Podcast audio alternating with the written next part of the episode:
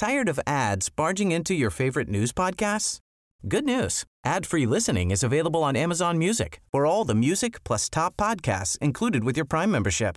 Stay up to date on everything newsworthy by downloading the Amazon Music app for free or go to amazon.com slash news ad free. That's amazon.com slash news ad free to catch up on the latest episodes without the ads. Ryan Reynolds here from Mint Mobile. With the price of just about everything going up during inflation, we thought we'd bring our prices down. So to help us, we brought in a reverse auctioneer, which is apparently a thing.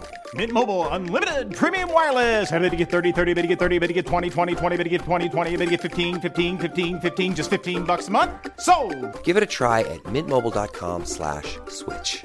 $45 upfront for three months plus taxes and fees. Promo for new customers for limited time. Unlimited more than 40 gigabytes per month. Slows. Full terms at mintmobile.com.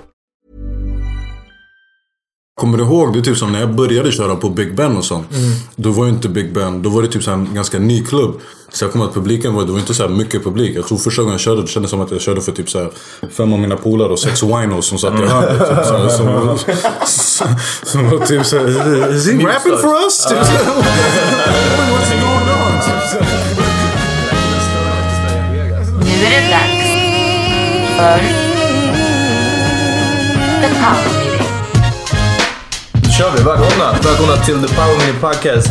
Ehm, det, är, ehm, det är Peter Smith som snackar. Uh, till vänster om er. John Rollins. Och, Amat Levin. Självklart. Och eh, extra special guest idag alltså. Yeah. Vill du presentera dig själv? Tjo, det är Ahmed Berhan. Ahmed Berhan. Eh, vad, vad är ditt liksom, epitet? Vad brukar folk...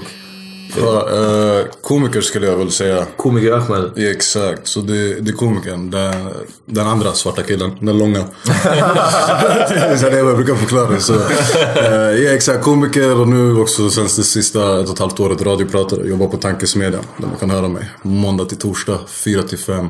Och snacka om politiker och andra människor som gjort bort sig. Tungt. Ja, tacksamt jobb. Brukar du bli... Har någon någonsin sagt Kodjo till dig? Ja, ah, en gång faktiskt. Men det- Vilket jag förutsätter att det var han du syftade på. Nej, det är faktiskt, alltså det har, det har varit någon gång, men det är en gång som jag kommer ihåg specifikt. För jag tyckte det var så fucking kul, för Kodjo stod två meter ifrån mig. Alltså, så det var så här, Det var 50-50. Ja, Det var, ja. Det var verkligen som person. Han, sa- han kollade på oss båda, han var såhär Kodjo! Jag var såhär, the other one. Han var såhär ah, det är 50% chans. Ja, precis. Det är det. Det var, det var nära. Ja, ja. Vad, vad ska man göra? Uh, Okej. ehm, vad som eh, fick igång det här, den här podden från första början egentligen är, uh, bortsett från att du är en, en rolig komiker. Jag har bara hört det en gång, vi ska komma in på det. Eh, och ehm, eftersom i alla fall John av oss eh, mest är väldigt inne på, på komedi eh, liknande och vi försöker vara roliga på den här podden. Så, så har det, är det kul att... Precis, så vi vill gärna ha med någon som utvärderar oss. Eh, och förmodligen kommer överglänsa oss också. Men bara för lite bakgrund. Jag tror att jag kan ha träffat dig typ 10 år sedan Ja. på BK-dalen. Ja, Exakt. Eh, du körde thaiboxning. Japp. Eh, och det var inte så mycket mer märkvärdigt då. Du var en dude. Nej, det var exakt, på riktigt. Det var, alltså, det var verkligen så. Det var, exakt, jag och du känner ju från två BK-dalen. Uh, Amat visste allt var från ännu längre bak. Från polisen basket. Från när jag körde basket. Uff, Ahmad borde kickat igång. Ja, jag, jag som trodde vi hade värsta... Ja, Ja, nej, men Jag trodde vi hade sånt band. Men okej. det roligaste, den övergången från basket till thaiboxning var ganska naturlig. För det som hände var att jag trycksparkade en domare under en match. Vart avstängd och sen efter det vart jag såhär, okej. jag Du bara, den här trycksparken var så bra. jag tänkte jag, var så här, jag måste hitta något annat område där jag får använda det. Och då hamnade jag in på thaiboxningen. Ah. Vilket var jävligt kul. Men exakt, men då höll jag inte på med humorn. Humorn kom inte förrän några år. Så Nej, för det var det jag tänkte säga. Sen... Det Men, var men vänta, innan Ja. du går vidare till, till, till humor. Jag vill också höra mer om trycksparken. trycksparken är ju liksom... Jag, jag minns att man hade stories om den där trycksparken. va? Uff, okej. ja, man hade Yeah. sparkat en domare. Ehm, Jag håller fortfarande... Så fortfarande, så where'd you kick him Huh? Where'd you kick him at? Eh, In his back. But, alltså, men alltså vet du vad grejen det, det ska jag också förklara. Den är inte lika så här. Alltså, det var inte den här 300 sparka, Sparta sparken du vet. Utan det som faktiskt hände. Alltså det var. Eh, Det var, det var mycket känslor inblandade i den matchen. Jag kommer ihåg vi körde mot Solnas 84 eh, typ, Vi hade legat under med typ så här 30 poäng vid halvlek och sen lyckades vi komma tillbaks. Efter det var det bara ett upp, ett ner, ett upp, ett ner. Domarna var kaos den matchen och det var jättemycket så här grejer som gick åt helvete. Så helt plötsligt, eh, det är en kille i vårt lag, han tar en charge. Från Sonas bästa spelare. Så vi blir hypade yes, den här killen ska ut nu för han har typ så här 45 fouls i det här laget. Grejen är, det är hans ex som sitter i sekretariatet. Så hon har suttit och roterat massor med fouls från deras lag på våra spelare. Så helt plötsligt, det är bara så här, folk åker bara ut en efter en du vet. Så där händer. Och när vi ser typ att han får, eh, att han lägger den på vår spelare istället för Solna-spelaren. Då vänder jag mig till, till min coach. Jag bara hej, driv. Jag bara, hur fan ska vi spela under de här omständigheterna? Då är plötsligt hör jag domaren blåsa och ge mig en teknisk foul. Så jag bara, driver du med mig? Och då du, hör jag tjejen i sekretariatet, jag kommer det var min tredje fall, hon bara femte foul. Och då vände jag bara, jag bara är du dum i huvudet eller? Och då har jag bara visslan en gång till så här, tjut! Då gav han mig en teknisk foul, vilket betyder att jag fick sex fouls, vilket du inte ens kan få. Och där snappade jag. Så jag springer emot honom egentligen. Egentligen det som händer är att jag är på väg för att svinga. Men min tränare som var jävligt stark och jag var jävligt smal. Typ så här, tog bara tag i min arm i luften och drog tillbaka mig. Så det sista jag kunde göra var såhär ah! typ så här, Tåpajade han i ryggen. Men till det här hör, var du lika lång då som du är Ja, nu? ja. Alltså jag slutade ju växa i sjuan. Så Ja, det var det som vad är det nu? 1,94 typ. 1,94 vilket betyder att din tryckspark måste hamna i nacken på honom. Ja, kan alltså- inte ens höja benet. Nej, alltså det var den här, Jättemycket typ såhär, ryggen var egentligen, jag var inte ens rak. Jag låg typ såhär halv så här för jag släpade sig bakåt. Och det var bara såhär, med min sista kraft. Det sjuka är däremot också att jag hade ingen aning om att man kunde bli avstängd. Alltså vi tog inte ens det som värsta grejen. Utan efter att jag hade fått flippat ur och skrika av mig så var jag typ såhär, ah, ja, typ, den här matchen var soft typ såhär. Och folk var typ såhär, du förstår du vad du har gjort? Så du fick inte spela någon mer? Nej, det som hände var typ såhär, efter, något, efter ett tag så fick jag något såhär brev och då var jag typ såhär avstängd från all sorts organiserad idrott. Uh, Damn, vilket straff. Ja, jag var verkligen såhär, vad för one kick? Typ. är, det ingen som, är ingen som kan förklara hur keff han var? Men eh, det som hände var bara typ såhär, efter det min mode för basket typ såhär, dog ut lite. Och så var det såhär, lite andra grejer som hände. Och så typ, jag kom aldrig riktigt tillbaks i Men för det där, det där brukar ju vara en, en klassisk grej när man körde basket när man var ung. Folk som satt i sekretariatet och bara fuskade som fan. Och bytte poäng, la på poäng åt fel och hoppades att man inte skulle märka. JKS var värst. Fuck, fuck JKS fortfarande. Bredäng. Alltså jag gillar Bredäng men JKS basket alltså. Motherfucker. Eh, Helt eh, saker jag inte visste om. Men du körde också en grej som är kuriosa, ändå ett legendariskt polisen basketlag. Två, två av spelarna kom till NBA. Faktiskt. Nej, jag Det- spelade ju ett mon- monsterlag. Alltså, det, Det var är verkligen... crazy. Var Lampe? Micke Lampe Micke. Lampe, Damir Omerodjic. Och sen var grejen också, vi hade ju Alper i vårt lag. Det. Och Alper var typ såhär, ja, och Alper var hands down, typ såhär, den bästa basketspelaren som fanns, period. Men sen hade han väl inte samma storlek och sånt, så det gick inte lika bra som det gick för de grabbarna. Men Alper var ju den spelaren. Alltså jag kommer ihåg hur landslaget, de krigade för att få honom att välja eh, det svenska landslaget. Och du blåste allt på en... På en tryckspark. Ja, precis. på en tryckspark. Nej, men det, det var ett sjukt bra. Jag minns att Alper någon gång när vi gick på mellanstadiet, han, han vann mot mig. Det var Alper själv och mot mig och en annan kille. Och han vann ändå. Det, det var ändå, det var Två jobbigt. mot en? Ja, jag tror jag var två Nej men en. han var scandalous för det var verkligen så här, han visste, han fattade spelet på ett helt annat sätt. Så det var så här, du kunde sätta honom vilka, han var ändå short guy men han var under, tog returer, du vet, han gick upp mot de längsta. Eh, han var riktigt, riktigt tuggare alltså. Riktig krigare. Damn. Men vad är det som gör att i så fall bara två? Jag tänker att det måste finnas fler. Alltså grejen, det här, var de, är det- det- här var de två första, och grejen med de här två killarna, både Micke och Damir också, de var verkligen all in i sin basket. Alltså typ såhär, när man var liten, man älskade sin sport, man köttade den. Men för de här två grabbarna, det fanns verkligen ingenting annat. Och de var också så här, för jag vet typ såhär, jag har aldrig varit så här en drömmare av mig. Så jag kommer ihåg en gång vår tränare frågade alla i laget typ såhär, vad är era ambitioner? Typ såhär, hur långt vill ni komma? Och typ jag kommer, jag var såhär rakt ut, jag var såhär, jag kör tills jag tröttnar alltså. Punkt, det finns ingen såhär men jag kommer att Micke, och jag vet inte om Damir också, men jag kommer Micke i alla fall, han var såhär, ah, men jag ska till NBA. Och alla var såhär, ah this nigga. Så, du, du ska jobba lager ute i Åkersberga och käften bara. Men, but he did. Alltså förstår du, redan vid vad är det, 15 eller någonting så vart han uppköpt av ett spanskt lag. Real Madrid. Real Madrid, Ja. exakt. Och sen bam, när han var 18 så tog han sig till NBA. Så grejen är, de två var de första svenskarna som tog sig. Men deras basketnationaliteter var polsk och kroatisk. Så typ Sverige fick typ inte den credden. helt och- så därför var det typ såhär, jag tror Jervenko blev då officiellt den var första. det?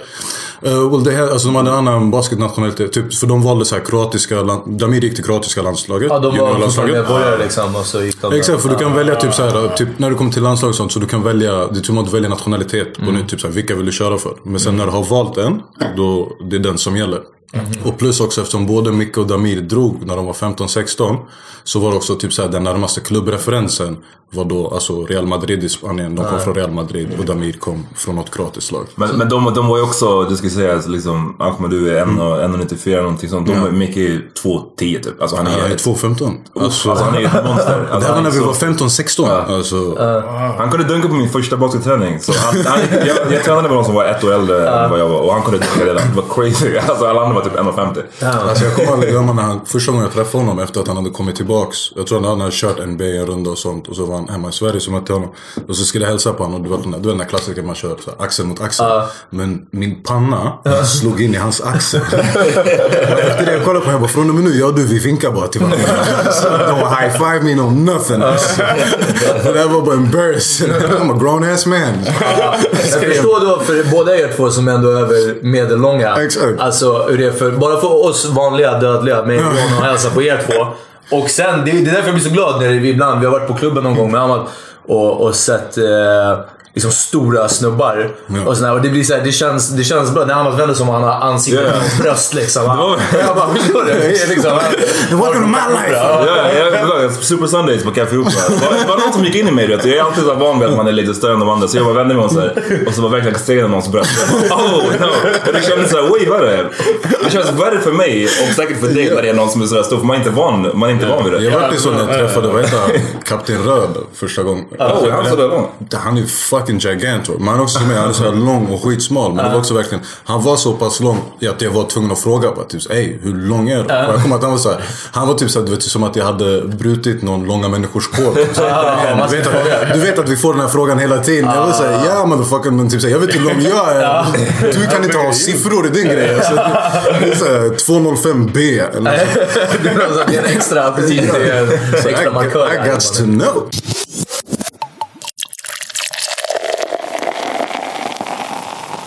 Vem är du? Var kommer du ifrån? Så här, Ahmed, uppvuxen i Rågsved. Shootoxved. Shoutout. Ja, Maui. 1, 2, 4. Hell yeah. Alltså. Det gröna stjärna alltså. 1, 2, 4. That's a bus right? Uh, Nej, that, that's, det- that's the area code. Det, Postnumret. det är postnumret. Fast du kanske tänker på buss 143, 143 som tar I didn't, I didn't. I just started Han bor i Högdalen och jag bor Ja, I exakt. just one. There's 143, 172. Det kan alla bussarna från. Högdalen. Så om det är någon av era lyssnare som behöver guidance. Exakt. Holla at your boy. I'm a... Men Rågsved är ro- har det på riktigt börjat... ehm, gentrifieras. Ja men typ, jag, alltså, allt jag grundade på, för jag har inte varit på, i Rågsved på länge, men allt jag grundade på att de fick den här hamburgare, såhär fin, Babas. såhär fin hamburgerställe. Jaha. Alltså, Nej, vet, nej, det är inte ens ett fint... Alltså bara- vet du vad grejen är? Babas är quality burgers alltså. Det, det är inget... Det är... I read Babas hard like alltså. Yeah, burgers. Finest meat! Fried with love and spices. Nej men vad heter det? Däremot, eh, Andres han som har eh, Babas burger. Han, är, alltså, han själv är en tuggare. Så han kommer själv från orten och han förklarade själv också när han startade det här konceptet. Han ville inte sätta den inne i stan. Han ville inte sätta den inne typ så här på söder eller någonting sånt. Utan han var såhär, fuck it, låt mig få lägga den någonstans. Alltså ute vid kanterna. Och som tur är, bless his soul, så vart det Rågsved. Eh, däremot om Rågsved på att gå igenom en gentrifiering, jag tror inte det. Alltså. jag, jag, jag, Jag tror att det är en bit kvar. Jag bara alltså. Ja, ja, det. de Det, det, inte- det är som i, i Farsta, vi fick ju också en sån där fancy hamburgerställe. Vad heter det där i Farsta? Ja, jag vet. Ja, i, i första strand. B- Bun meet bun. Just det. Men där, den, det området det ligger i första strand, det är ju bara bostadsrätter nu. Det är den nybyggda. Ja, Det är som har grusplan förut. Ja. Och nu är det, det ser ut som ett bostadsområde i The Sims alltså. Det. Men jag så tror- det är inte konstigt att de har det. Men det Babas var till och med svårt att hitta. Det var liksom inte... Ja men det är ju det som är grejen. Du är också Babas ligger inte så i centrum. Den ligger ju så uppe vad vi kallar, området heter Snösätra. Det är eh, så här uppför trappan när man kommer till Rågsved. Men det är också så här, alltså jag kommer ihåg när den etablerades. Det vart ju värsta, alltså folk kom ju från fucking Jakan, gud vet vart, alltså, bara för att käka de här burgarna. Ja. Så han byggde upp sin grej fett snabbt och nu ska de ju öppna Högdalen också. Ja, yeah. Så fucking- Slipper åka till Rågsved. Ja, shoutout till Babas och... Faktiskt. Plus att han var också... Det var inte bara burgarna, deras service också. De är verkligen så här skitsofta människor som jobbar. Så alla som kommer dit känner sig bara så överdrivet välkomna. Så man blir så här, Jag har verkligen tagit alla jag känner dit. So it's Osvensk. Vadå? Ah, ja, ja. Det, är bra. Vi hoppas vi får gratis hamburgare efter... Eller hur? Ja, ja, nej, men jag, jag, också, jag var där en gång, jag kan lätt rappa bars. Vi måste rappa ofta för alla de här rapparna, rapp- rappare som de får gratis mat därifrån. Så, så, ni, så ni kommer få... Ja. Ja, definitivt. Vad, gick du Rågsvedsskolan eller? Eh, nej, jag gick faktiskt uh, Hagsätra skolan fram till sjuan. Sen bytte jag till Engelska skolan i Gubbängen, åttan, nian. Uh, bam, efter det vart det Torudsplan. Och där nu, Torudsplan, det var ju där jag började med thaiboxning. Jag började med thaiboxningen, jag slutade med basket i typ tvåan i gymnasiet. Och så började jag med thaien vid- till trean. Eh, till sista terminen vid trean var första gången jag någonsin gjorde någon så här stand-up liknande grej. Och då var det att vi hade en revy i skolan. Så jag och en polare hoppade bara in i den typ så här, sista månaden. Och så frågade jag typ så, här, så hon, vår dramalärare hon tyckte om oss. Hon bara, men vill inte konfa den? Typ så, här, så ni kan få hosta den. Så jag bara, why not? Och så vart det så här, hey, skulle jag kunna få köra lite så här stand-up? Så bara, för det är alltid dött för det. Så hon sa, ja, why not? Så jag hade eh, några rutiner. Så den första rutinen jag skrev faktiskt var om, om dörrvakter. för det var, för det var. Ja, men plus också det här var sista månaden eh, av terminen. Du vet, vi hade maxat studentskivorna och det hade varit den ena skandalen efter den andra som hade hänt med så här, just dörrvakter. och kvällen innan så var det några polare som hade haft en kompisskiva och på Berzelii bar kommer jag ihåg. Uh, ja, de vakterna är bara horbarn på en annan fucking nivå än idag. Jag spottar på en ena. Så det vart i alla fall karbid. Så jag var fett lack på vakter dagen efter.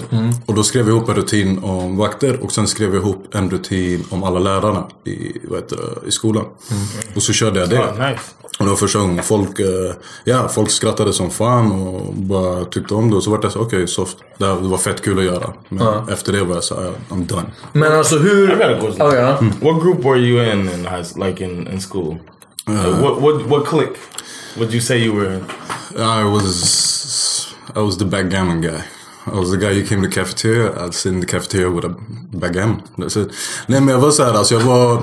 Alltså jag har alltid varit såhär, jag hänger lite i olika miljöer. Så på ett sätt, jag var ändå typ såhär, basket och idrott var en stor del av mitt liv på den tiden. Så softade på det. Jag var alltid den här killen som gick i såhär tracksuits eller typ såhär mjukisdräkter.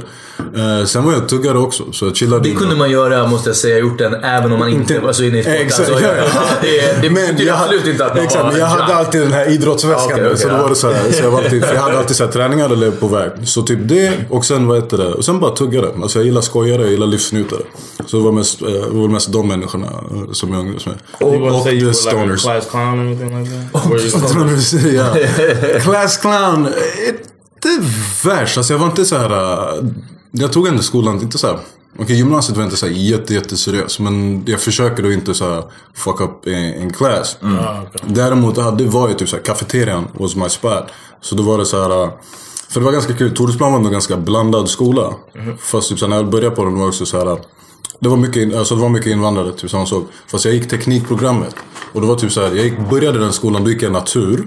Och det var inte förrän jag bytte så här, till teknik, för teknik och el var typ en annan del av skolan. Och det var typ då jag var så här, oh my god, we have white people. Och då, så jag hade gått i skolan i ett år, hade inte sett någon av de här jävla, För de hängde aldrig typ så här i kafeterian. De, de satt i, sina korridorer och chillade där. Så när jag började i den klassen, då var det ju så här, så jag hängde ju med dem från min klass också. Men jag hade också min coffee squad. Så det var alltid så här, så fort det var fem minuters paus eller någonting, då taggade jag tillbaka till kafeterian. So y'all drank coffee in high school? No, no, no. bara cafeteria. It's just, Ja. it's a cafeteria. Det. Ja, man köpte bara läsk och bullar. Exakt, så jag köpte så här, jag brukade en cola och en vad heter det, kalkonfralla. Det var, det var det jag levde på. En cola, kalkonfralla. 20 lapp om dagen. Och sen vad heter det, sen backgammon är så här, typ så här, gammalt spel från mellanöstern. ja, typ ja, som ja. ett sofistikerat Fia med knuff. När du är för lat för schack, men för vuxen för Fia med knuff. Vad, ehm, hur går man från att vara bara en funny dude, jag tänker mig att du, du, du var en skojare i dragen Ja, också liksom. Eh, till att tänka att jag har en rutin.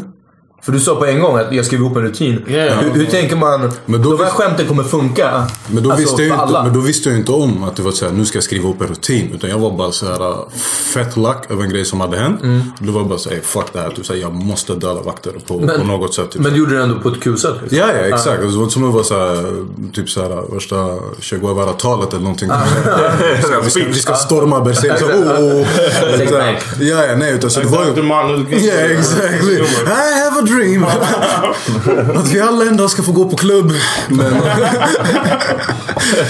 men vad heter det? Nej men jag vet inte, på något sätt. Alltså jag, jag älskar ju humor. Jag har alltid älskat stand-up. Och stand-up är någon grej som jag har kollat på sen jag var barn. Min första riktiga introduktion var faktiskt på ett av Cops Camps. Ah, okej, okej. Och det var det, du kommer inte ihåg Johan jag- för Johan är ganska på att han hette. Så det var en kille som hade varit och kört high school i USA. Mm. Och han hade kommit tillbaks. Och det här är du vet innan typ såhär Napster och typ Ja, såhär, ja. blev stort. Så den här snubben kom tillbaks med massa med CD-skivor. Mesta hiphop. Vilket bara det för mig var såhär ah. Och sen när jag sitter och bläddrar då hittar jag en CD-skiva från Chris Rock och vad heter det? Adam Sandler.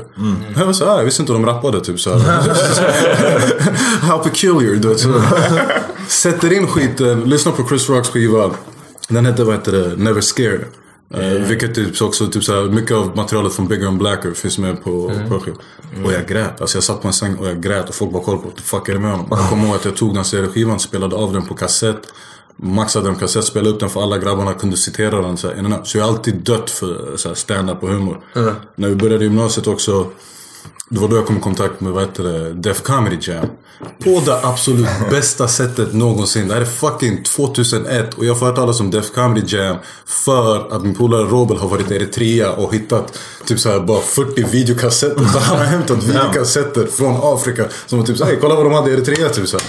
Köttade igenom, mm. Jag ändå bara såhär, köttade igenom dem. Så från därifrån så har jag alltid gillat alltså, stand-up och typ så här humor och sånt. Så jag antar väl typ så okej, typ, här är ett skämt. Typ, så här är ett skämt. Så får jag köra. Och sen med lärarna var det mer typ så här. Jag tog vissa specifika lärare som jag visste typ så här. Det var lite typ som att jag visste typ, men alla i skolan kände till den och den och den personen. Typ så här, vår rektor, vice rektor, typ den och den läraren.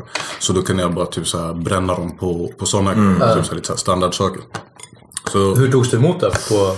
Nej, folk, eh, alltså, nu inte såhär blow my own horn, men ja, folk dog. Alltså det var verkligen såhär, folk var verkligen såhär, det var galet. Men sen var det också typ såhär, måste faktiskt säga, det var ju också för att ingen förväntade sig Nej. att jag skulle göra något. Så jag själv förväntade mig inte så att jag skulle göra den här skiten. Men För det, är det, det känns som att komedi är så en av de läskigaste grejerna att göra typ. Jag menar, det, är- det, det är mer troligt att någon går upp och du vet, framför en låt. Ja, ja. Än att någon går upp och, och säger, drar massa skämt. och det är så drygt. För att spela ett instrument så blir alla som inte kan spela ett instrument... Alltså, du vet, det är lätt att bli imponerad. Var som att gå upp och sjunga. Hur många gör det dåligt? Det- men att, att tro om sig själv att jag kommer förmodligen kunna få de här att garva. Alltså, det, är, det är riktigt läskigt alltså. Men det är ju alltså, jag börjar förstå den grejen nu.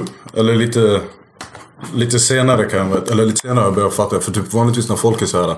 För det jag tycker ändå är konstigt som till exempel när jag träffar andra människor som till exempel håller på med musik eller håller på med teater, skådespeleri. Och när de säger till mig typ såhär, men tycker det du gör är fett läskigt. Jag vill säga, driver du med mig? Så här, Jag går upp och jag snackar. Det som flyger, flyger. Det som inte funkar, det funkar inte. Alltså typ såhär, it's, it's quite a simple process på det sättet. Så handlar det bara om, du vet, det som är grejen med komiker, det är såhär, vi saknar väl den Alltså vi har ingen självinsikt, alltså vi skäms inte för grejer.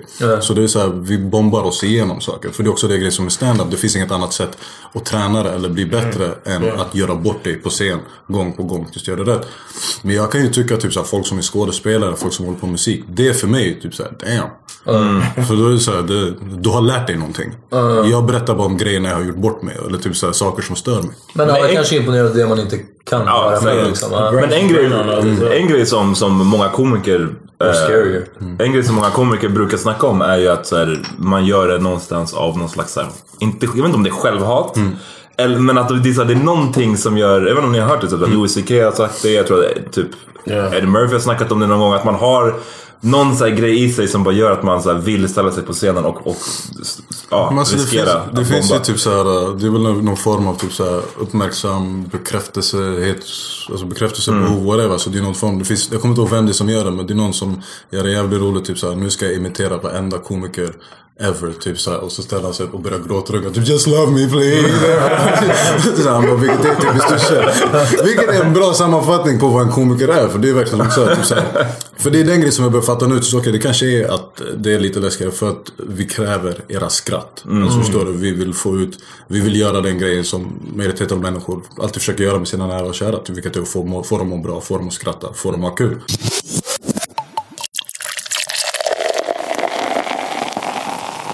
Vi har snackat om att ta med Melody Tired of ads barging into your favorite news podcasts? Good news. Ad-free listening is available on Amazon Music for all the music plus top podcasts included with your Prime membership. Stay up to date on everything newsworthy by downloading the Amazon Music app for free or go to amazon.com slash news ad free. That's amazon.com slash news ad free to catch up on the latest episodes without the ads. Hey, I'm Ryan Reynolds. Recently, I asked Mint Mobile's legal team if big wireless companies are allowed to raise prices due to inflation. They said yes. And then when I asked if raising prices technically violates those onerous two year contracts, they said, What the f are you talking about, you insane Hollywood ass? F- So to recap, we're cutting the price of Mint Unlimited from $30 a month to just $15 a month. Give it a try at mintmobile.com slash switch. $45 upfront for three months plus taxes and fees. Promo rate for new customers for limited time. Unlimited more than 40 gigabytes per month. Slows. Full terms at mintmobile.com. Temple University is ranked among the top 50 public universities in the U.S. Through hands on learning opportunities and world class faculty, Temple students are prepared to soar in their careers. Schedule a campus tour today at admissions.temple.edu/slash visit. Farsan heter hon det. Farsan, ja. Och ehm, vi har kollat upp henne lite på Insta och min enda invändning där är att hon är way för snygg för många. ja, men alltså du vet, du är, så här, du är jättesnygg. Du håller inte på att liksom, dra skämt. Alltså, det är, du behöver, alltså, och jag ska förklara varför. How dare you be pretty and silly at the goddamn same time? Choose a path lady, just... Lite så, men också för att för mig humor växer ur något missnöje, negativitet, motgång, ehm, eh, neuros. Det här har med mitt judiska påbrå att göra också. Alltså, liksom. Men judisk humor är väldigt mycket sådär att, att man vänder det negativa till någonting roligt. Och gärna att skämta om sig själv. Och, och då också eftersom humor är en nästan universellt eh, eh, omtyckt och liksom något som man tycker är attraktivt och sånt. Den personen är rolig liksom. Eh, man ska inte vara snygg och rolig, det går inte. Och nu kommer vi till dig. Det är inte att du är jättesnygg Ahmed. Men eh, du verkar vara en så socialt liksom, välanpassad person. Eh, Du skulle, jag kan tänka mig att du hade kunnat hänga runt och vara nöjd med att bara tugga runt. Liksom. Så det, det här extra roliga, det, det är det som... Eh, du, du känns som en otippad, för mig som en otippad stor Men- komiker. men Inte som det- en rolig kille, men en otippad stor Men det är det som är grejen också. Typ, så här, precis som du säger med Mello, det är också saken är, det finns ju ingen så här, kod. Det är klart att typ så här, vad ska man säga i så fall. Stereotypen eller typ så här, den bilden som folk tänker när de tänker är komiker. Kanske är någon så här, någon som ser lite äh, ut, kanske dålig hållning, lite osäker. Som du sa, någon form av typ så här, neuros eller osäkerhet. Men det är det också typ så här. Humor är så pass brett. Alltså förstår du? Det finns hur mycket olika sorter som... Typ så tar du Melody till exempel. Nu bara för att du tycker att hon ser bra ut. Så vet du ingenting mer om henne än det. Alltså förstår du? Du vet sant, ju inte sant. vilka issues hon har. Du vet inte Vilka vilka hjärtefrågor Ja. hon har. Eller typ så här, vad, hon, vad hon känner för att snacka om. Och sen är det samma sak med mig och varenda komiker som finns. Det är så här. Man pratar ju om grejer som man känner för. Alltså det är i alla fall min regel som komiker. Typ, så här, därför när folk frågar mig typ, så här, vad handlar din standup up? Jag kan inte förklara det för folk för jag behöver så här. Om jag ska vara ärlig, jag pratar om det jag tycker och tänker under den perioden. Eller det jag känner för att prata. Eller så pratar jag om grejer som har hänt mig runt omkring. Eh, så det är ju det. Och det är också den grejen, typ, så här, speciellt i Sverige, som folk börjar fatta lite nu. Att det finns mer humor än den humorn vi blir matade med. Alltså förstår du? Bara för att vi är uppvuxna på en viss humor eller typ så här, ja vi har bara sett Parlamentet eller så här, släng det i burren. Vilket också gjort att folk har en bild av svensk standup. Typ så okej men det är så här det är. Men nej, svensk standup den breddar sig åt alla håll. Och sen är det också så här, att, typ jag kommer ihåg, jag hade en kort period efter eller där jag började träna igen. Så började jag gymma. Och då kommer jag ihåg att Aron var den första som reagerade. Han var såhär, shit han bara fan han bara, du börjar se stabil Aron ut. Flam? Ja exakt. Så han bara, du börjar se stabil ut. Typ. Så han bara, började bli såhär bitig typ. Så jag bara, tack jag började träna typ. Så han bara, men fan vad bra. Han bara, men synd för din standup för du kommer inte vara lika rolig igen. typ, så här. Men då handlar det om också, förstår du? Då är det så här, typ, säg till exempel att du ser bra ut. Typ så här, du är allmänt, så här, alla tycker du är katt. Typ, så här. Då måste du ju tänka på vad du skämtar om. Utifrån ditt eget perspektiv. Då kanske inte typ om du är någon som ser bra ut, då kanske inte du ska hålla på och håna. Folk som ser ut som crafts. Ja, ja, ja, nej. Eller såhär, göra narr av tjockisar när du själv står såhär med såhär sexpack. Typ såhär, förstår du? Så man jobbar ju alltid ut efter sin egen utgångspunkt. Förhoppningsvis. Ja, i stort, sett, i stort sett. Alltså, det, det är det sättet. För det handlar ju också om trovärdighet. Alltså, Men se, Aron förstod vad jag menar. Kan vara för att han är en member of the tribe. Ja, men det är så, you are the founders. Alltså, det är verkligen så. Ja, självhatande komedi. Ja, exakt. Ja, ja, det, kommer upp. Men det är så, men det ligger ju, det, det ligger något. Typ samma sak, kommer du ihåg vad det? Det finns den där gamla filmen eh, med Chris Rock. Den här när han dör och får Yeah, här gammal like he didn't want the body of the The build. bodybuilder. Han bara, ain't nobody gonna joke to somebody that looks like he can fuck, your you ass.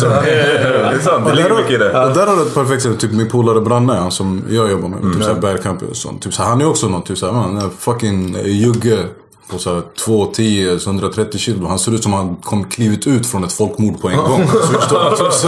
Typ från en genocide to stage. Så det är typ så. Men då har det ju också varit typ såhär, han har ju fått jobba på typ så här, hur han ska gå från inte inte så shit, om, det här, om det här är eran worry moment. Nej, nej, nej. Lite, lite worried. Det var bara roligt.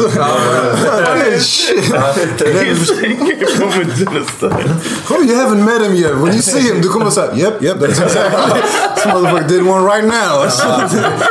Nej men förstår du, så då har han ju fått jobba på typ så här, hur han, inte, hur han ska få publiken att komma in i hans värld. Alltså typ hur han ska kunna få publiken att bli bekväm, slappna av. Jag hade ju samma issues när jag började själv med stand-up också. För jag var typ så här. Äh, äh, Alltså vad ska jag säga, ser ut som jag gör och typ så här, snackade på ett sätt som jag gjorde då också. Vilket gör att typ så här, folk kanske ryggar tillbaks. Men då var jag så okej, hur ska jag få de här människorna att slappna av i min närhet? Typ så här, hur ska de få fatta typ så här, vet du vad?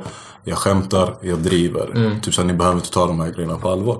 Och då får man lära sig lite tricks och tips. Men, så vi kommer till tips och tricks. Vad hände efter trean då? Du gjorde den här showen.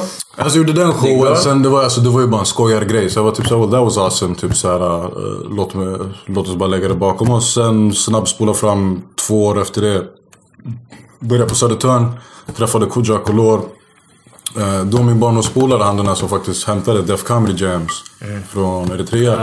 För han har varit min polare från, när jag var- alltså, från när vi var små. Och han har alltid varit typ, största från mellanstadiet har jag haft några av mina polare som varit såhär, du måste göra stand-up, du måste köra stand-up. Men min grej har alltid varit typ såhär, men det finns ingen stand-up i Sverige. Typ, jag vet inte ens hur man börjar. Så är vi på studentpuben, Kodjo ska, ska köra den kvällen. Och då säger min polare Robert till mig, han bara, "Ey, men om han ändå är komiker, han bara, om det handlar om att du inte vet hur man börjar, han bara, varför frågar du till honom nu för? Så du såhär, kind of put me on the spot. Yeah, yeah, yeah. Så jag var såhär, nej nog, förstår du? Jag var såhär, fuck it. Gick till Kodjo, Kodjo var soft. Uh, vi snackade, förklarade för jag sa till jag bara, hur började du? Skulle kunna typ, bara, typ visa mig. Och han var en broder, så han var såhär, vet du vad, gör såhär. Han bara, först snackade vi lite, han bara, vad har du för planer? Vad är det du vill göra? Pappa, pam. Uh, och sen var han såhär, man kan vi gör såhär. Han bara, skriv ihop en grej på fem minuter. Alltså en fem minuters rutin. Han bara, jag kan kolla om, o- igenom den åt dig. Han bara, så kan jag försöka fixa uh, ett datum åt dig på en So he looked at what you wrote. Det är stort liksom. Ja, nej, och det var också typ såhär, det var första gången jag träffade honom. Och du förstår, det var inte första gången vi träffades. Och, så, och det var också första gången, och det var också sista gången han var snäll. Efter det, he just went straight asshole. Cause that's what happens to brothers with money. They just... ja, nej, jag skojar bara. Han good job. Never giving you niggas money. Ja, ja. Jag var verkligen Rick James med mitt hår flöt. With your midget ass self. Men yeah, så he- han hookade mig min första tid. Och sen därifrån började det rulla på. Alltså jag ska vara helt ärlig, till och med de första åren när jag körde det så var det fortfarande, jag var bara så oh this shit is fun. Alltså jag gör det här för skojs skull. Det var inga så här riktiga ambitioner i det. Återigen den här grejen om att jag aldrig varit en riktig drömmare och typ så här. Men sen efter ett tag så vart jag såhär, men fan låt mig se vad som händer om jag skulle lägga lite extra krut på det. Nej, det, det började rulla på och sen har gått upp och ner därifrån.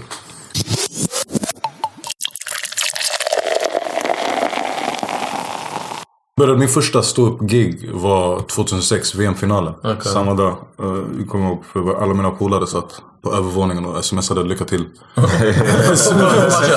ja, men förstår du? Det var, ändå så det var den här finalen när, när, Zidane gjorde sin ökända Ah. Eh, från därifrån tills idag så tycker jag att det har skett stora förändringar inom branschen. Typ jag tycker om branschen mycket mer nu än hur den såg ut då. Då var det verkligen så här. Eh, Om du var lite annorlunda eller hade en, en annan stil eller typ en annan bakgrund. Då kunde folk vara lite aviga mot det och typ såhär, nej men det här kommer inte funka. Typ såhär, det, här, det, här, det här går inte att sälja in. Typ såhär, pam, pam. Men nu har det verkligen öppnats upp och typ såhär. eh, Alltså står det bara typ såhär. eh, Ja men ta till exempel Aron Flams, typ såhär deadpan humor. Eller typ såhär lite mörkare humor. Eller alternativ humor. Förstår du? Det, är såhär, det får sina utrymmen. Sen kommer det ju klubbar som till exempel Oslipat. Uh, vilka var en klick från Malmö. Som de startade sin klubb. Och där var också så att de rappade den humorn som de tyckte om. Så den var mer så alternativ humor. Och byggde upp scenen i Malmö. Tog det vidare. Så nu kör de ju både i Malmö, Stockholm, Jönköping och Uppsala. Så det är det. Så det är en pågående process hela tiden. Det är alltid kul att se. Typ, så samma sak kul att se nya komiker som kommer. Och se vad de bidrar med. You remember the first time you bombed? Uh, Har du någonsin? Because I was here about the stories of comics bombing and Alltså det finns, alltså, ja, alltså grejen i saken är så här. Om du, om du är rädd för att bomba, det har ingenting på scenen att göra. Alltså typ såhär, punkt. Eller det är min åsikt. Alltså det är typ såhär, om du... Det är klart det, det suger att bomba och typ såhär, man vill typ såhär, gå hem och gråta och skära i sig själv efter att det har hänt. Men det är, såhär, det är en del av jobbet och det är också det jag tycker som gör dig bättre. Alltså Mm. för det är där du får din utveckling. För det är såhär, de gånger du bombar såhär stenhårt, du vet såhär, let's not do this again. Och då vet man typ såhär, okej vad är det jag behöver tänka på? Typ såhär, flytta på det här, pappan. Och Chuck Chappelle säger det när han eh, bombade på, ja exakt, när han bombade där, han bombade på Apollo Theater när han var så fett ung. Han sa att hela teatern var så här fientlig mot honom. Off the motherfucking stage. Han sa att han bara, efter det, han är inte rädd för någonting längre. För att han har varit med om det där. Can't be worse than Apollo. Nej. Men alltså det är enda grejen som jag kan tycka är synd med ståuppkulturen här. För om du jämför med andra länder, alltså synd och synd. Alltså så både på gott och ont. Men om du jämför som till exempel i USA och England. De har så här stark häcklarkultur. Vilket också typ så här kan vara jobbigt men det härdar komiker. Alltså förstår du vad jag menar? Så det är så här, komiker som kör USA någonting, du vet. De kan hantera häcklare. Du vet typ så här, Sverige, vi är Sverige. Vi häcklar inte, vi kollar bara besviket.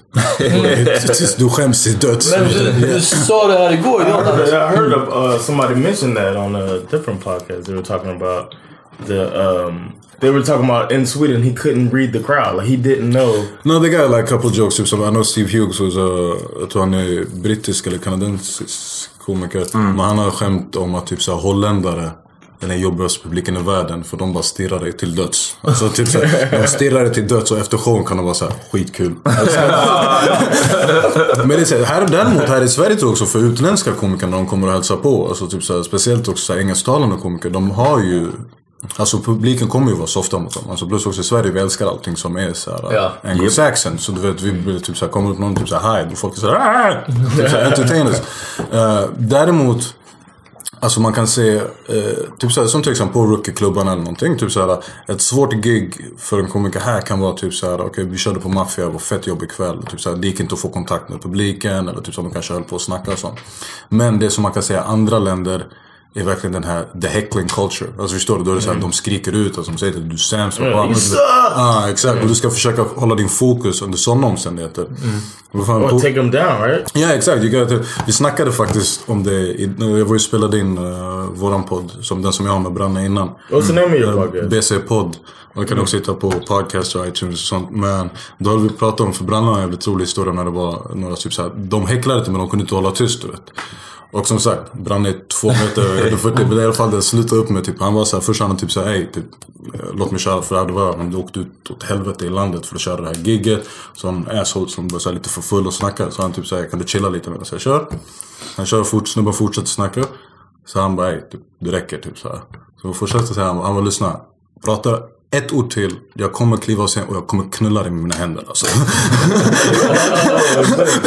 och, du, och när han säger det, du tror på honom. Men tror där är det är skillnaden också. att Han ser inte ut som den genomsnittliga komikern. Nej, exakt. Den genomsnittliga kan man ju... Kan man ju Ja, liksom... men det är också, med. men det är ju såhär, även om man kan fucka typ såhär, jag har ingenting emot typ såhär häckling eller någonting. Ibland kan det vara lite jobbigt bara, oh, så. Det var inte... Ibland kan det vara lite knas när man har typ såhär, någon som kanske är lite såhär för full och typ såhär, vill vara en del av showen. Typ såhär, sådana grejer. Och då handlar det om att typ såhär, cut the head quick. Yeah. Typ såhär, man kanske skojar med den lite i början. Typ så okej. Men What's sen märker man. technique? What's your technique? Do you have like a? I don't have any specific techniques. Alltså det är typ såhär. Om jag kan få, om, om jag kommer på någonting på scen som jag kan göra utav den grejen. Fair enough. Du, såhär, Då gör jag den. Om jag inte har det då kan jag vara såhär bara. Alltså om det är någon som fucking, alltså om de stör min show på riktigt. Då kommer jag address it in one way or another. Sen om det blir bra eller inte. Det, det får slumpen avgöra. Är det, är det ett nederlag att behöva bli fysisk eller hota om att bli fysisk som komiker? Alltså att liksom... Ja. Det är så här, för man, man, ska- man, man ska väl kunna skämta, Men det är det, då finns det ju också. förlöjliga den personen med skämt. Men då, Inte bara lyssna. handlar, men då handlar det också typ så här. Finns det möjligheter för det? Finns det typ så här, Finns det en öppning för det? Beror på också på vilket sätt som de stör på. Ja. Nu typ i Brannes fall är det, det här var ändå ganska länge sedan så han var fortfarande du vet up and coming som komiker. Då är det inte heller typ så att du har inte alla verktygen än heller hur man hanterar det. Mm. Då kanske det är bara lättare typ så här. Hey, jag kommer, good. jag kommer skada dig alltså. För det funkar ju. Ja, ja, ja, däremot vet jag typ så här, han kan ju, han hanterar häcklare på ett jävligt roligt sätt. Så han är verkligen så här. äh, Men nu också, he's put down, han har lagt ner tiden på sin stand Förstår du? Det är så här, man giggar hela tiden.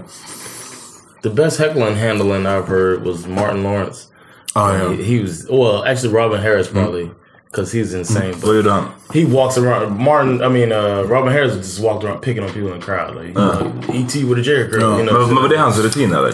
No, he Eller would just när han blev freestyle. It's Ah, like no, not even hecklers. He would just like, I got a cordless mic. I'm about to kill y'all motherfuckers Okay. and go around. But I think he started that because D.L. Hewley stole a lot of his jokes. Matter of fact, Because D.L. Hughley uh, always used to do that on his show, like, and he tried to make it like it's improvised. But if you see more than one show, then you know, like, he had a couple of set jokes Ready. where he just like, oh, so like he finds some somebody overweight, and he got that joke for the overweight person. He found somebody. and a lot of them are Robin Harris's jokes. D.L. Hewley was stealing shit. I won't ask about that. no, I believe that. but I know, like, I remember Martin though. I still think that Martin was probably like one of the best hosts. Ever, Oh, yeah. the shit Jam. Def Oh. Comedy, are you kidding? Ja. Och det var också därför det är ingen som kunde fucka för han kom ut och det första han gjorde var bara att förstöra publiken. Så publiken var så här- Man vet, man vågar inte säga någonting. Yeah, bara, Yeah, everybody- We're just gonna watch this show.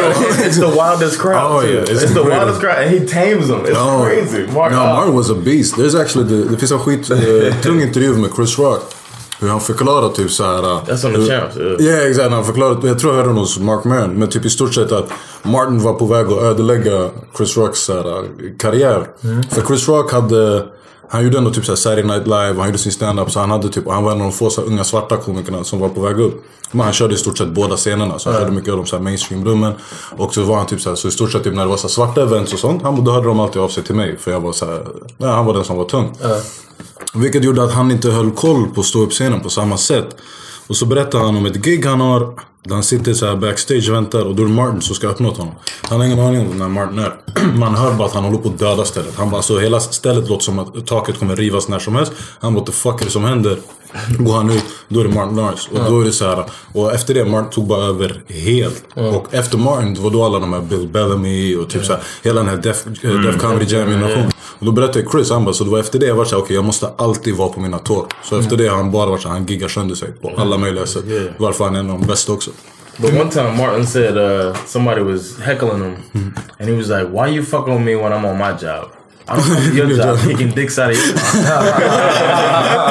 he just shut him down, and the crowd just goes on, and then he moves on. Next guest. Yes. it's like, oh shit. Men det är de bästa när du kan få in en kort och snabbt. såhär. Det är, det är like a jab du vet. Det är den här, pa! Och det är då folk blir såhär, nej let's not. It's fucking professional. Ja, ja, exakt. Och hur... Jag måste faktiskt, jag måste, jag måste säga för en av dem, eh, för jag kom på en, en häckling som var jävligt rolig. Och det var faktiskt, jag, jag tror vi körde på Raw eller någonting. Men det var Messiah Hallberg som skulle köra. Så Messiah var väldigt såhär bratty stil och typ såhär, ja, man är jävligt tung. Och då är det någon kvinna i publiken som är full. Och hon typ såhär skriker ut typ såhär, du är sämst. Han typ bara kollar på henne. Han blev uppskattad och betalat 250 kronor för att få säga det till mig. Tack så mycket. Då var så här, också så här, fick med sig publiken och kan bara fortsätta köra. Men hur har, publi- har publiken förändrats och hur är standup-publiken? Eh, från vad du vet om, jag vet inte hur långt bak du kan gå i Sverige liksom. Um, det vet jag faktiskt inte. Alltså däremot det jag kan säga, typ av det jag kommer ihåg, det är typ som när jag började köra på Big Ben och sånt. Då var ju inte Big Ben, då var det typ så en ganska ny klubb. Så jag kommer att publiken var, det var inte så mycket publik. Jag tror första gången jag körde, det kändes som att jag körde för typ så fem av mina polare och sex winos som satt i hörnet. Typ, så här, som, som, som var typ såhär, is he rapping for us? Typ, så What, what's going on? Typ, så. Den där killen stör när jag ska spela Jack Vegas. Varför är servitören på scen? Det är så här. Men eh, nu är det typ så här, stand-up har ju däremot blivit någonting mer accepterat eller mer erkänt. Så som till exempel nu i Stockholm, då har du så här, förstår du, kan köra stand-up sju dagar i sträck i stort sett. Och det finns klubbar som öppnas upp hela tiden.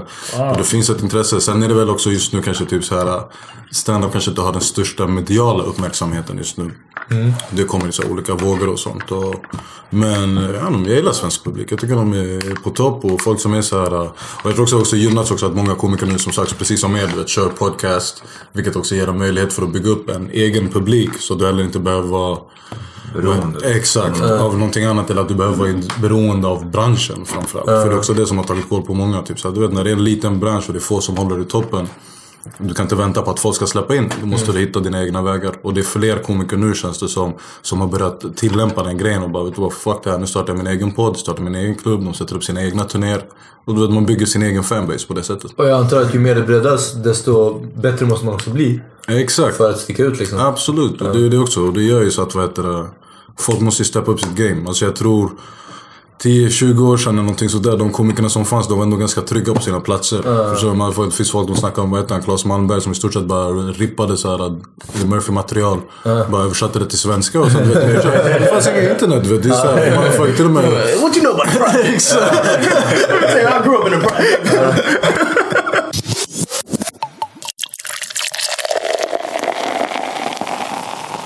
What's the best stand-up you think that you've heard? Oof. Uh, there's a lot of stuff out there. But like I'm a hardcore Chappelle fan. That's for me. So like I'm Chappelle. Så typ såhär Chris Rock var typ såhär den första komikern som jag var. Typ såhär alla har ju sett typ såhär, man såg ju typ såhär Delirious Raw och typ såhär Prior Calling. Alltså alla de där, de är på topp. Men du vet min eh, stand-up verkligen såhär, det var när jag hörde den där Never Scared. Så därifrån Never Scared, så Chris Rock för mig, jag tycker alltid han är galen. Och sen när jag hittade Chappelle ett kort tag efter det. Och sen därifrån har jag bara varit såhär, den här killen otrolig. Men annars andra komiker som jag älskar också, typ såhär Bill Burr tycker jag är fantastisk. Mm. Gay. Vi såg Bill Burr så länge sedan. Dying one. Ja, ja. Alltså, typ såhär, när jag fucking- Black and white one. Ja, alltså, men det är det jag älskar med honom. För han är typ såhär... Han kan ta olika ståndpunkter och vrida och vända på dem och bara lägga fram det på ett sånt tungt sätt. Alltså typ så spelar det ingen roll hur asshole grej han kan säga, hur asshole ståndpunkt han har. Men han fucking levererar det på ett sätt som du kan inte göra någonting annat än att skratta åt. Och det är det jag älskar med typ såhär, sådana komiker, eller komiker som är riktiga tunga. Det är att de ska kunna ta... Du vet, det är lätt att gå upp på scen och säga grejer som typ såhär, rasism är fel. Är så här, folk kommer att applådera för det. För typ såhär, för folk gillar att känna sig duktiga. Men typ såhär att göra en rutin där du kanske typ så halvt förespråkar rasism på ett, så här, ur ett knäppt perspektiv eller någonting. Om du lyckas få igenom en sån grej. Då är det så här, you know your craft. Alltså förstår du? För då betyder det att du har verkligen lagt ner den här tiden nu. Till så okej, hur, okej vad är det som är farligt i det här materialet? Okej, det här är offside, det här kan man inte säga. Så okej, pam. ehm, hur gör jag då? Och så sitter man och pusslar och pysslar. Så, det, så, så det är... Min, min guld är Louis CK när han snackar om, om, om Yeah, he might be. There. så här, veteraner. Först om nötallergiker, sen Yeah, veteraner, sen, sen om slaveriet. Slaveriet är det värsta. Sen, ja, jag var bara såhär, nej, nej, du kan aldrig rädda det här. Och så gör han det ändå. Det är, det är crazy Men liksom. alltså, det är, alltså det är så när folk lyckas göra de så här, vridningarna och vändningarna. Det är ju det också som, alltså typ så här, det här det oförväntade skrattet är ju fortfarande det starkaste skrattet. Det här skrattet som du får när du verkligen inte såg det där skämtet komma. Det är Guilty. det- Guilty pleasure. Ja, det, är det skrattet exakt. Det är verkligen den alltså. Got this crowd down. Ja, ja. Då är det så här, och då vet man ju typ såhär, uff, typ. Man kan säga vrida och vända på det. Alltså, sen är det upp till komikern också, förstår du? Det, är så här, det handlar inte om att du alltid ska vara, eh, typ så här, du måste vara edgy eller du måste vara out there. No, motherfucker, just do whatever you're comfortable with. Alltså, Säg de grejerna. Det enda jag kan hata är typ så här, jag tycker en komiker aldrig ska gå upp på scen och säga det den tror att publiken vill höra. För det är då du får det här som är typ, vad ska man säga, det som kallas för hack. Eller typ så här, det, som är så här, det är ingen riktig känsla i det för du går upp nu och bara säger saker som du tänker typ så här, det här kommer ni tycka om. Istället för att säga grejer. Som typ så här, där- när du står som komiker på ett sätt, du är ändå så här, du vill ändå lyfta fram din egen humor. Alltså det handlar ju om att hitta de här likasinnena. Alltså typ så för när jag går upp på scen, målet är inte typ så här, ni alla, 100% i den här lokalen ska älska mig. Jag vill att typ så här, ni som inte är som mig ska känna typ såhär, abo, det här var ändå nice. Jag vill hitta de här som är precis som mig, som är med på varenda fucking noter. Och sen har man vissa skämt som bara är för vissa specifika. Förstår du? Det är såhär, Vissa av mina stoner jokes, då är det såhär, typ såhär, de, de Det här kommer inte vara en general stoner joke som jag typ såhär, folk kan fatta. Utan vissa det är såhär, små grejer som folk kanske typ såhär, om du kickar själv, då är det såhär, du fattar den här referensen. Alright, det här avsnittet blev alldeles för långt så vi har klippt upp det i två delar. Allt ni behöver göra är att stänga av det här och klicka er fram till del två av The Power Meeting Podcast med Ahmed Beran. Ses där.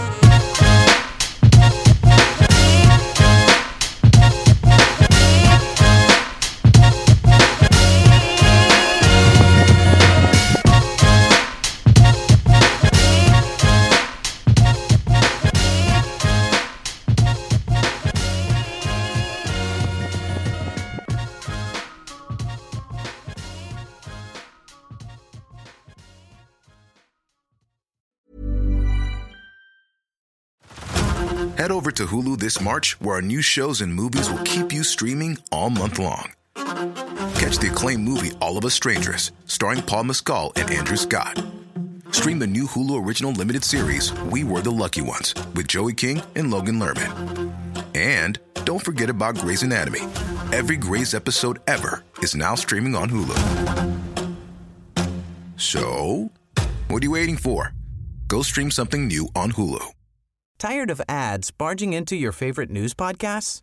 Good news. Ad-free listening is available on Amazon Music for all the music plus top podcasts included with your Prime membership.